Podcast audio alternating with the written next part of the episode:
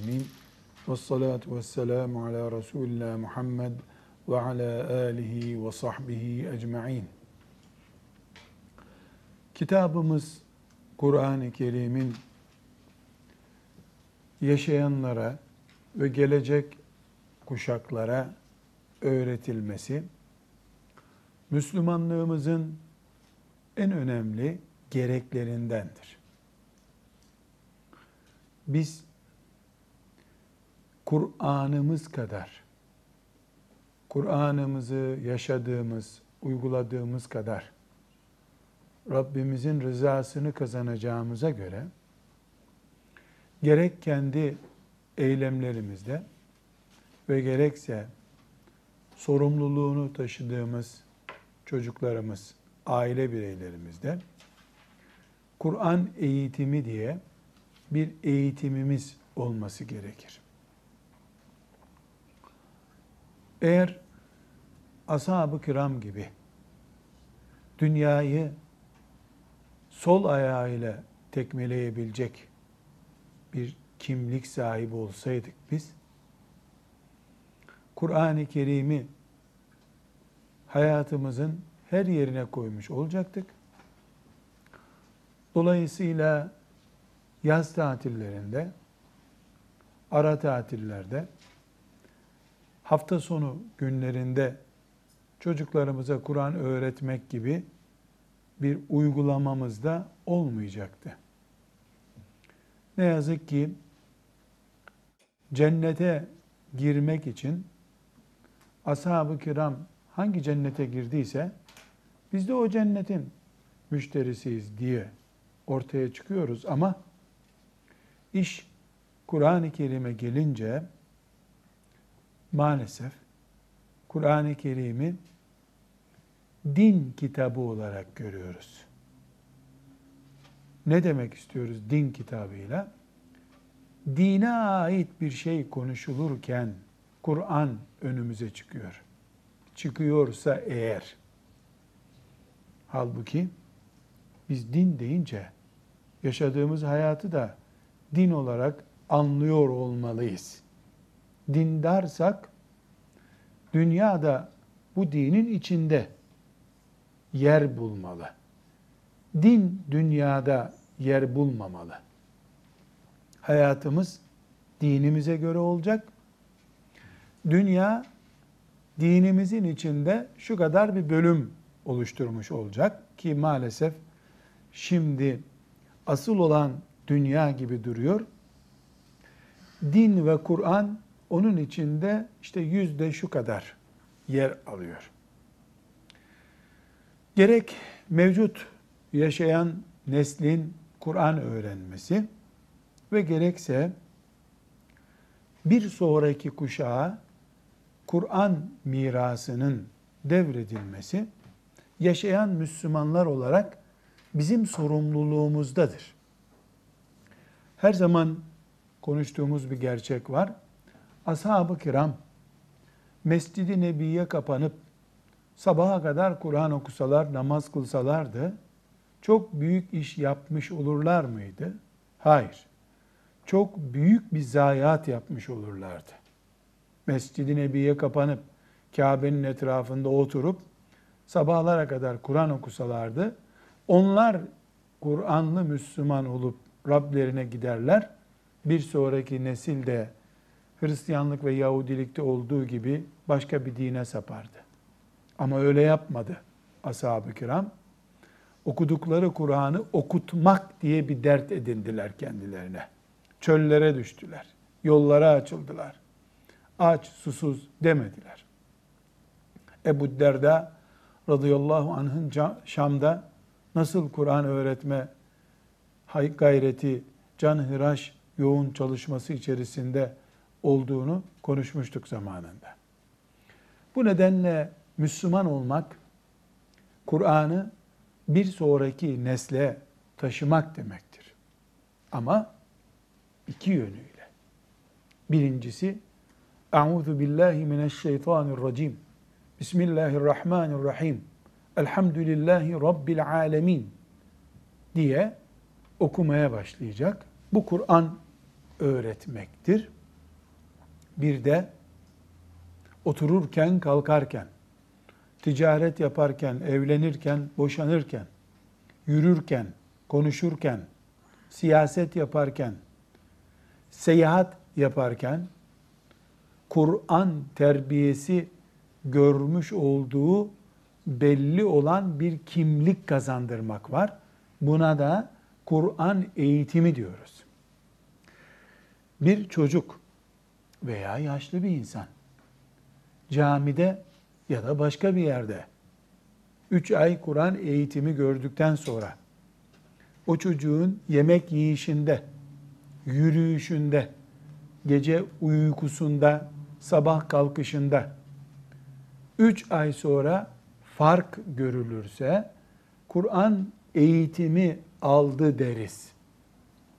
Eğer 3 ayda şöyle hatmetti, böyle icazet töreni yapıldı, elif cüzünü şuraya geçti diyorsak sadece, yani Kur'an öğrendi denebilir.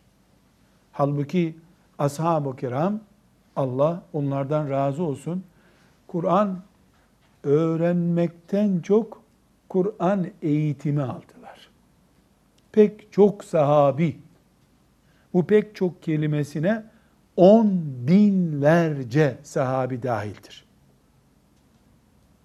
Tekrar iyi anlaşılsın diye söylüyorum. On binlerce sahabi Kur'an hafızı değildi. On binlerce sahabi Kur'an'ın 30-40 suresini bilmiyorlardı. Yani en fazla 20-30 sure biliyorlardı. Ama Kur'an ahlakı 120 bin sahabinin üzerinde vardı. Yalan konuşmuyorlardı. Çünkü Kur'an yalanı yasaklamıştı. Hiçbiri faize, zinaya, kumara, alkole yanaşmıyordu. Çünkü Kur'an onlara onları yasaklamıştı. Annelerinin, babalarının önünde iki kat eğilmiş duruyorlardı. Çünkü Kur'an böyle istiyordu.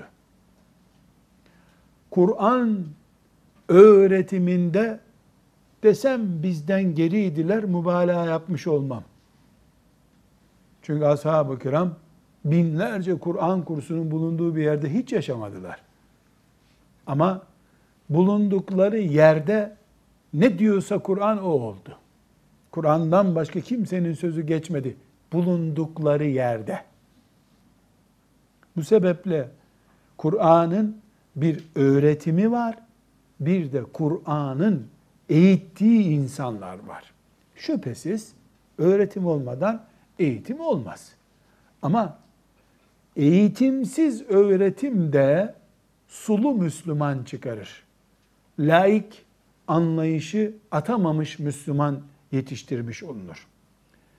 Bir insan hem Kur'an okumuş yıllarca hem de infak edemiyor, zekatını veremiyor, sabah namazına kalkamıyor, yalan konuşmayı bırakamıyor.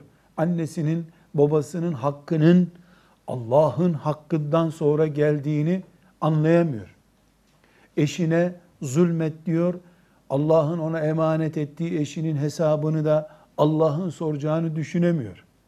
Hem Kur'an çok okumuş, o cuma akşamları camide Yasin'i o okuyor ama o okuduğu Kur'an'ın وَلَا تَنْسَوُ الْفَضْلَ بَيْنَكُمْ eşlere hitap ederken aranızdaki insanlığı unutmayın ha. İnsanca yaşayın. Kadın da bir insan nihayet. Erkek ama o da insan nihayet. Hata eder, hatasını kabul et. Özrünü kabul et. Diyen وَلَا تَنْسَوُ الْفَضْلَ بَيْنَكُمْ ayetini uygulamaya gelince yok ama camide aşırıları o okuyor. Ha. Bu değil ashab-ı kiramın örnek olduğu Kur'an nesli. Kur'an konuşurken ağzımızda hissedilmeli. Harama bakmayan gözümüz Kur'an'dan etkilenmiş bir göz olarak bakmayacak. Kulağımız Kur'an filtresi takılmış bir kulak olacak. Tefekkürümüzü de Kur'an etkileyecek. Namaz kılarken sıradan bir Müslümanın namaz kılması ile Kur'an bilen bir Müslümanın namazı farklı olacak. Daha tefekkür ederek Müslüman namaz kılacak. Bu şekilde de Rabbimizin rızasını kazanacağımız Kur'anlı Müslüman olma hamlemiz başarılı olmuş olacak inşallah. Şimdi özellikle tekrar vurguluyorum. Ashab-ı kiramı örnek aldığımızda çok açık bir şekilde diyoruz ki ashab-ı kiramın bir Kur'an öğretimleri vardı. Bizzat oturdular, besmele çekip Kur'an okudular. Bir de Kur'an'la eğitilmiş oldular. Kur'an onları hamur yaptı, kendine benzetti. Böylece de Allah onlardan memnun oldu. Biz çocuklarımıza, sorumlusu olduğumuz nesillere Kur'an öğretiyoruz derken elif cüzünü bitirttik demeye Kur'an öğretiyoruz demeyelim. O çok cüz'i bir merhale. Çocuklarımıza Kur'an eğitimi yapıyoruz diyelim. Onun da hakkını verelim. Bir sonraki nesle Müslüman nesil olarak Kur'an'ı teslim edeceğiz dediğimiz zaman şu Kur'an'ı al, götür. Hadi torunum sana Kur'an'ım hediye olsun demek istemiyoruz herhalde. Evlenen kızlarımıza çeyiz olarak bir mushaf alıp hediye etmek değildir bir sonraki nesle Kur'an taşımak. Zaten her yerde Kur'an mushaf dolu. İnternetinden, televizyonundan her yerde mushaf var. Bu sahabe kafasını Allah korkusuyla yaşayan, cennet hasretiyle yaşayan, Nuh Aleyhisselam'ı, Eyyub Aleyhisselam'ı sabreden insan örneği olarak görebilen, infak edebilen, çocuklarını Allah'ın emaneti olarak görüp aman bir şey olmasın derken hani bu çocuk balkondan düşer ayağı kırılır diye değil. Bu çocuğun sahibi Allah. Bunu bu bize Allah emanet etti. Aman bir şey olur sahibi sorar diye ürken, ürperen ve dikkatle çocuk yetiştiren Müslüman şuuruna biz Kur'an eğitimi diyoruz. Şimdi bu tür bir eğitim yani Kur'an nesli yetiştirmek için memleketimizde Kur'an kursları diye eğitim kurumları var. Binlerce yani zannediyorum 10 binden fazla e, Diyanet İşleri Başkanlığı'na bağlı e, adına Kur'an kursu denen kurumlar var. Elhamdülillah. Bunun belki kaç kat fazlası Diyanet İşleri Başkanlığı'na bağlı olmadan sivil toplum örgütlerinde şu veya bu isimle var.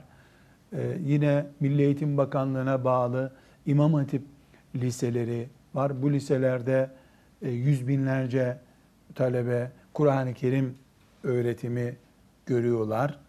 E, camilerde halka açık Kur'an e, dersleri veriliyor. E, çok büyük bir gayret. E, şunu e, iftiharla söyleyebiliriz. Kur'an-ı Kerim'in şefaatine ermemize vesile olur diye umutla söyle, söyleyebiliriz. Yani en çetin günlerde halk nezdinde ihtilal diye adlandırılan günlerde bile Kur'an-ı Kerim eğitimi sekteye uğramış değildir. İndi çıktıları olmuştur. 100 talebe 40'a düşmüştür ama yani e, Sultan Fatih'in İstanbul'un anahtarlarını devraldığı günden beri e, Kur'an-ı Kerim e, hiçbir zaman sıfırlanmış bir eğitim düzeyine gelmemiştir. Harflerinin yasaklandığı, yazılı bulunduğu musaflarının toplanıp kağıt fabrikalarına hamur yapılmak üzere gönderildiği dönemde bile Allah'ın dostları Kur'an-ı Kerim hamlesini söndürmemişlerdir. Elhamdülillah bu topraklara Kur'an-ı Kerim'in şefaati bakımından iyi bir işaret bu. Yani inşallah Kur'an-ı Kerim'in şefaatine ermemiz için güzel bir vesiledir diye düşünüyor, umuyoruz. Allah'tan bunu niyaz ediyoruz. Fakat e, bütün bu e, Kur'an eğitimi veren, sözünü ettiğimiz bir kısmını andığımız şüphesiz daha geniş bir şekilde de vardır. Bu kurumlarda e, ashab-ı kiramın ve daha sonraki bereketli nesillerin e, yetiştirdiği gibi bir Kur'an nesli yetiştirmekte zorlanıyoruz. Yani iyi bir e, tercih yaparak kullanayım. Zorlanıyoruz diyeyim. Yani beceremiyoruz, olmuyor gibi kaba bir ifade kullanmıyorum. Kur'an ortada elhamdülillah. Yapamıyor olsaydık bugün hiç Kur'an okuyan kimse olmayacaktı. Yani var fakat sorunlar oluyor. E, kimi zaman siyasi sorunlarla karşılaşılıyor Kur'an öğretim ve eğitiminde. Kimi zaman sosyal sorunlarla karşılaşılıyor. Ama her halükarda büyük bir Kur'an seferberliği elhamdülillah yaşadığımız topraklarda var. Burada birkaç noktaya temas etmek gerekiyor. Kur'an öğretme açısından ki bu temas edeceğimiz noktalar yani daha kaliteli bir eğitimle Kur'an eğitimi görmüş insan yetiştirmek için e, nelere dikkat edilirse daha bereketli sonuçlar elde edilir. Onu konuşmak istiyoruz. Yani mevcut e, ülkemizde yaşadığımız topraklarda belki 12 bin civarında zanla söylüyorum, rakamı tam bilmiyorum. Kur'an kursu levhası olan yer var. Belki bir o kadar evlerde, vakıflarda, derneklerde var. Ondan çok daha fazla camilerde programlar var. E, Milli Eğitim Bakanlığı'na bağlı İmam Hatip liselerinde büyük bir Kur'an öğretme hamlesi var. Lakin çarşılara gelince faiz hala güçlü. Hala kimse kimsenin sözüne güvenmiyor. Düğüne gelince hiç Kur'an'ın emrettiği düğün yok ortada.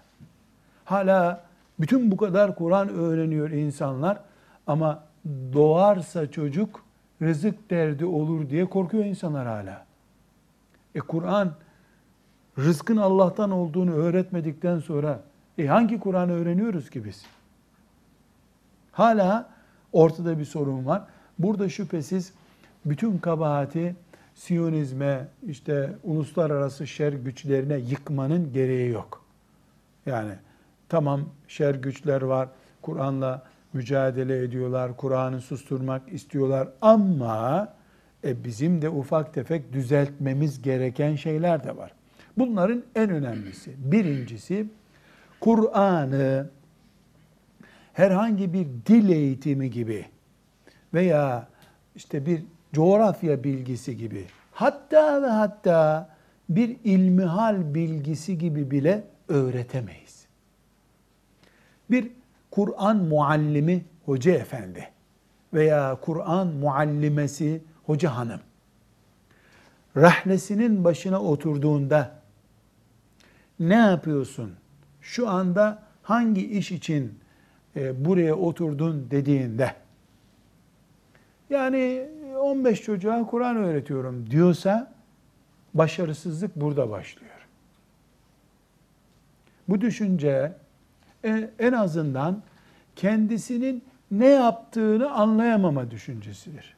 Çok seviyesiz bir düşüncedir.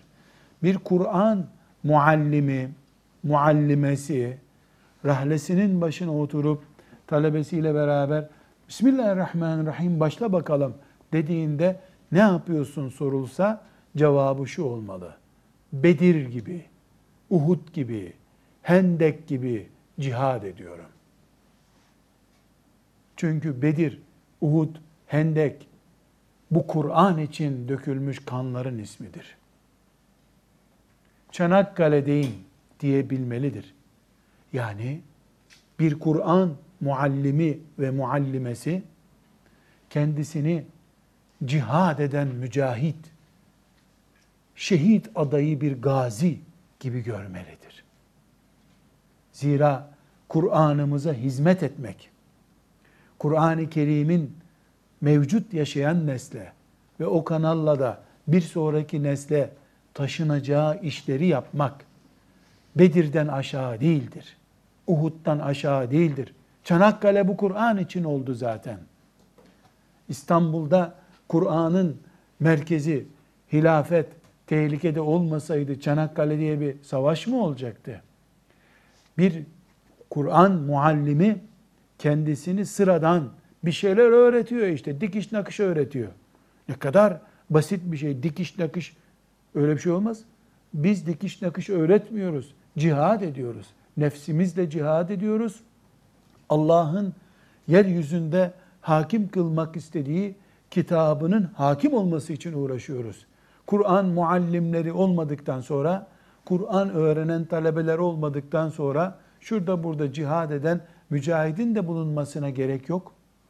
Bu sebeple bir Kur'an muallimi, muallimesi, hatta talebesi diyeceğim ama yani çocuk çapta yaştakilerin bunu takdir etmesi çok zor. O ona göre işte babası gönderdi Kur'an öğreniyor veya işte Kur'an ezberliyor. Ama en azından hoca efendi veya hoca hanım kendisini mücahit görmeli. Çünkü Kur'an hep kılıçlarla yaşamaz. Hocaların ağzından yaşayacak bu Kur'an. Halid bin Velid kadar Übey ibn Ka'b de mücahit. Übey ibn Ka'b'ın Ebu Musa el-Eş'ari'nin öğretmesi olmasaydı e Halid doğradı açtı meydanı ne olacaktı? Kim kim insanları cennete götürecek? Dolayısıyla biz Kur'an müminiysek, Kur'an sayesinde cennete gireceksek inşallah o zaman bize Kur'an öğreten hoca efendilerimiz, Kur'an öğreten hoca hanımlarımız mücahittirler. En büyük hizmeti onlar yapmaktadırlar. Kur'an muallimliğinden, Kur'an muallimeliğinden yaşlandığı için artık hastalığı el vermediği için mecburen emekli olan birisi kendisini diyanetten emekli dememelidir. Gaziyiz elhamdülillah. Yani gazi, şehitlik nasip olmadı işte gazi olarak eve geldik. Cihat bu çünkü. Kur'an gazası bu. Kelimetullahi hiyel ulya. En üstün söz Allah'ın sözü, sözü olsun diye yapılmış bir mücadeledir bu. Übey ibn Ka'b'den Ebu Musa el-Eş'ari'den daha büyük mücahit mi var dünyada? Kur'an'ın ahkamını tefsir eden İbn Abbas'tan daha büyük mücahit mi var? Ali bin Ebi Talip'ten daha büyük mücahit mi var? Kur'an bizim cihadımızın özü, cihadımızın ruhudur. Dolayısıyla Kur'an öğreten muallimlerimiz ayaklarının önünde 40 yıl onlara hizmet et, etsek bile haklarını veremeyeceğimiz kadar muhteşem bir hizmet yapmaktadırlar. Çocuklarımızın ahiretini kurtaran, ebedi cennetlere girmesini sağlayan bir Kur'an muallimi ve muallimesi 10 sene 50 sene yaşayacağı bir dünyaya gelmesine yardım eden ebeden milyarlarca kere daha değerlidir.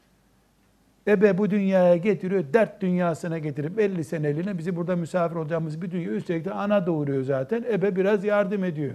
Ebe çok iyi iş yapıyor da bizi alıp dünya kucağından alıp cennete götürüp ebedi firdevslerde, adın cennetlerinde kalmamızı sağlayacak Kur'an'ın şefaatiyle Rabbimizin cemalini göreceğimiz günlere bizi hazırlayan hoca efendiler, hoca hanımlar, öğretmen ismiyle anılmamalıdırlar. Onlar bu ümmetin cephesinin önünde şeytana karşı en büyük cihad olan Kur'an'ı üstün tutma cihadının mücahitleridirler, mücahideleridirler. Sabahleyin evinden çıkarken hoca efendi, hoca hanım cihada gider gibi çıkmalıdır. Helalleşmek gerekmiyor belki her gün yani cephede ölürüz filan diye ama bir iznillahi teala gittiği yerde şehit olarak ölecektir ölecek olsa. İlim yolunda çünkü. Kur'an'dan büyük ilim yok. Hoca kendisini böyle görmeli bir defa. Hoca kendisini böyle görecek ki onun bu düşüncesi gözünden feyiz olarak talebeye akacak. Böyle bir hoca güneşe bakar. Kolundaki saate bakmaz. 50 dakika 40 dakika değil. O Kur'an'a daldı mı o dalış gidiş öyle gider o. O talebesine bağırmasına da gerek yok. Talebesini zorlamasına da gerek yok. Çünkü ondaki ruh hali, o heyecanını melekler destekleyecek.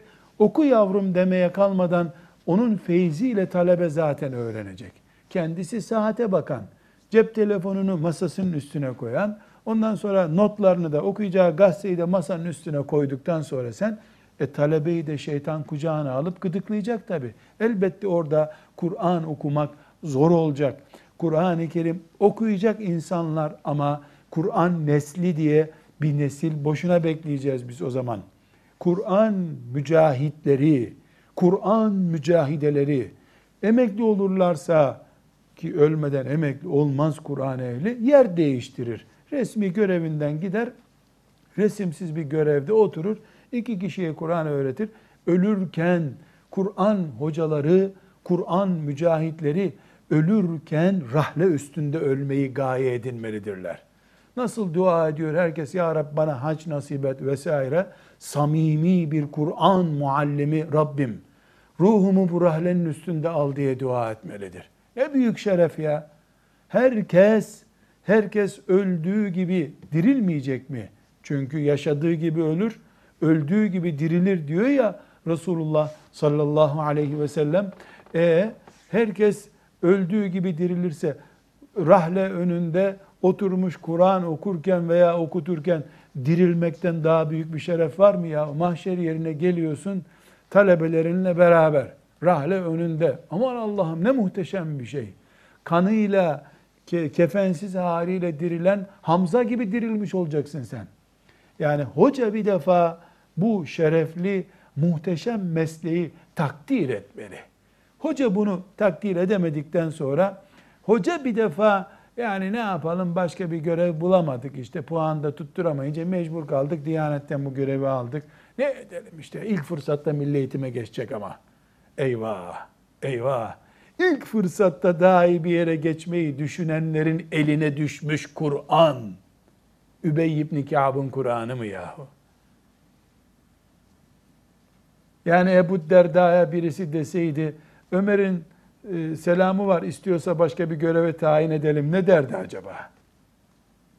Var mı öyle daha şerefli bir şeyi düşünmek? İlk fırsatta başka bir bakanlığa geçecek. Aynı maaş, her şey aynı. E Kur'an hocalığını bir Uhud gaziliği gibi göremiyor ki. Kur'an muallimi deyince akan suların durduğu bir kafa sahibi değilsen ne feyiz alacak senden çocuk. Kur'an matematik kitabı değil ki eksi artı toplayarak yanlış doğru mu sorarak çocuk senden bir şey öğrensin. Kur'an feyiz kitabıdır. Bereket kitabıdır. Bu feyiz hocanın ağzından akar. Tıpkı Resulullah'ın kulağına damladığı gibi aleyhissalatu vesselam. Kur'an'ı tarif ederken femi muhsinden akarak gider deniyor. Yani temiz bir ağızdan temiz bir kulağa girer, o kulaktan kalbe iner, kalpten tekrar ağza gelir, başka birisinin kulağına gider. Kur'an'ın akış tarzı budur. Bir feyiz, bir bereket gerekir. Niye Kur'an-ı Kerim'e abdestsiz tutmuyoruz? E bu feyiz kitabıdır. Feyzini engeller diye korkuyoruz. Her şey Kur'an muallimlerinde düğümleniyor. Talebe yaramazmış, talebe ders çalışmıyormuş, talebe bırak bunları kardeşim. Bırak bunları. Resulullah sallallahu aleyhi ve sellem ve onun ilk kalfaları olan ashab-ı kiram babaları müşrik olan çocukları okuttular. Babaları müşrikti. Dün kendileri de müşrikti. Müslüman oldular. Ashab-ı Suffa'da 10 gün kalan Kur'an mütercimi olarak diyarına görevlendirildi. Amr ibn Seleme 7 yaşındaydı. En iyi Kur'an okuyan çocuk olarak Allah'ın peygamberi aleyhissalatü vesselam onu görevlendirdi ve Medine'de kaldığı süre sadece 10 gündü.